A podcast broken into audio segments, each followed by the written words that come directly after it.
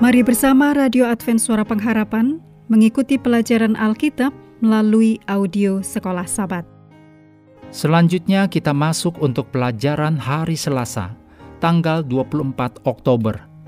Judulnya Roh Suka Berdoa dari Abraham.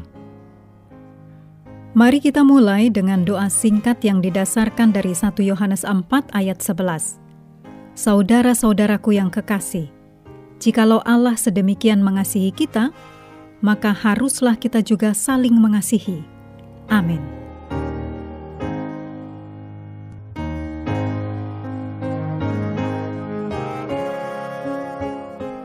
Dalam kejadian 18 ayat 23 sampai 32 dan Yakobus 5 ayat 16, ayat-ayat mengajarkan kepada kita tentang kuasa dari doa pengantaraan.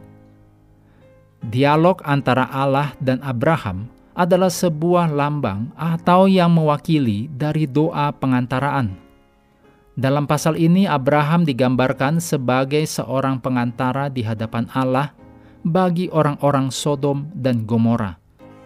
Abraham menaikkan permohonan bagi mereka atas nama mereka, yaitu bahwa Abraham sedang bertindak sebagai sebuah lambang, sebuah simbol dari Yesus sebagai pengantara kita di hadapan Bapa.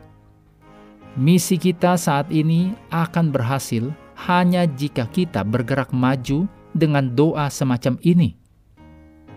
Abraham telah belajar untuk mengasihi penduduk Sodom dan Gomora dan kota-kota di sekitar tempat-tempat tersebut.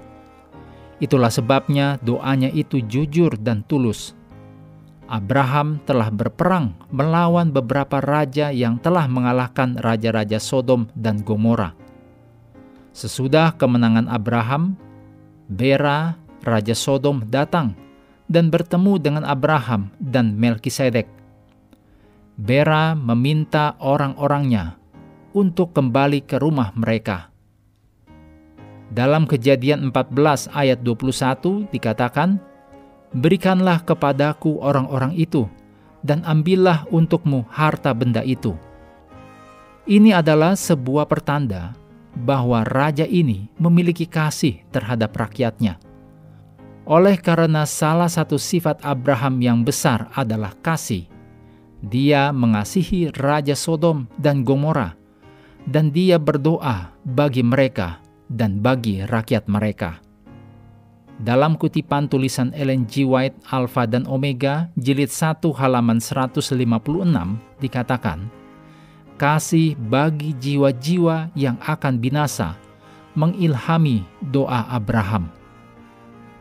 Abraham menunjukkan kerendahan hati dan ketekunan dalam doa-doanya.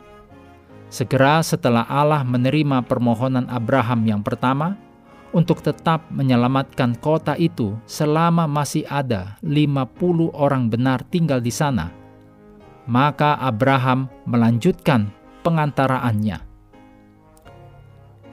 Misi kita tidak akan berhasil tanpa doa. Doa pengantaraan Sesudah bertemu dengan seseorang, sesudah menyampaikan sebuah khotbah atau sebuah pembelajaran kitab suci, kita harus berdoa bagi orang-orang yang sudah kita temui.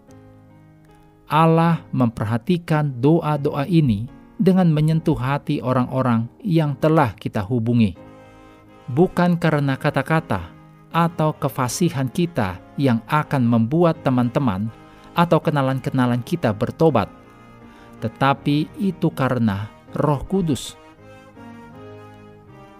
Itulah sebabnya, di dalam misi apa saja yang di dalamnya kita terlibat, kita harus berdoa bagi setiap orang secara pribadi. Roma 8 ayat 34 dan Ibrani 7 ayat 25 mengatakan kepada kita tentang apa yang Yesus lakukan bagi kita sebagai pembela dan pengantara kita saat ini di surga. Kebenaran ini bisa menolong kita untuk mengerti dengan lebih baik mengenai peran kita sebagai pengantara bagi orang lain. Mengakhiri pelajaran hari ini, Mari kembali ke ayat hafalan, Yohanes 13 ayat 34 sampai 35. Aku memberikan perintah baru kepada kamu, yaitu supaya kamu saling mengasihi. Sama seperti aku telah mengasihi kamu, demikian pula kamu harus saling mengasihi.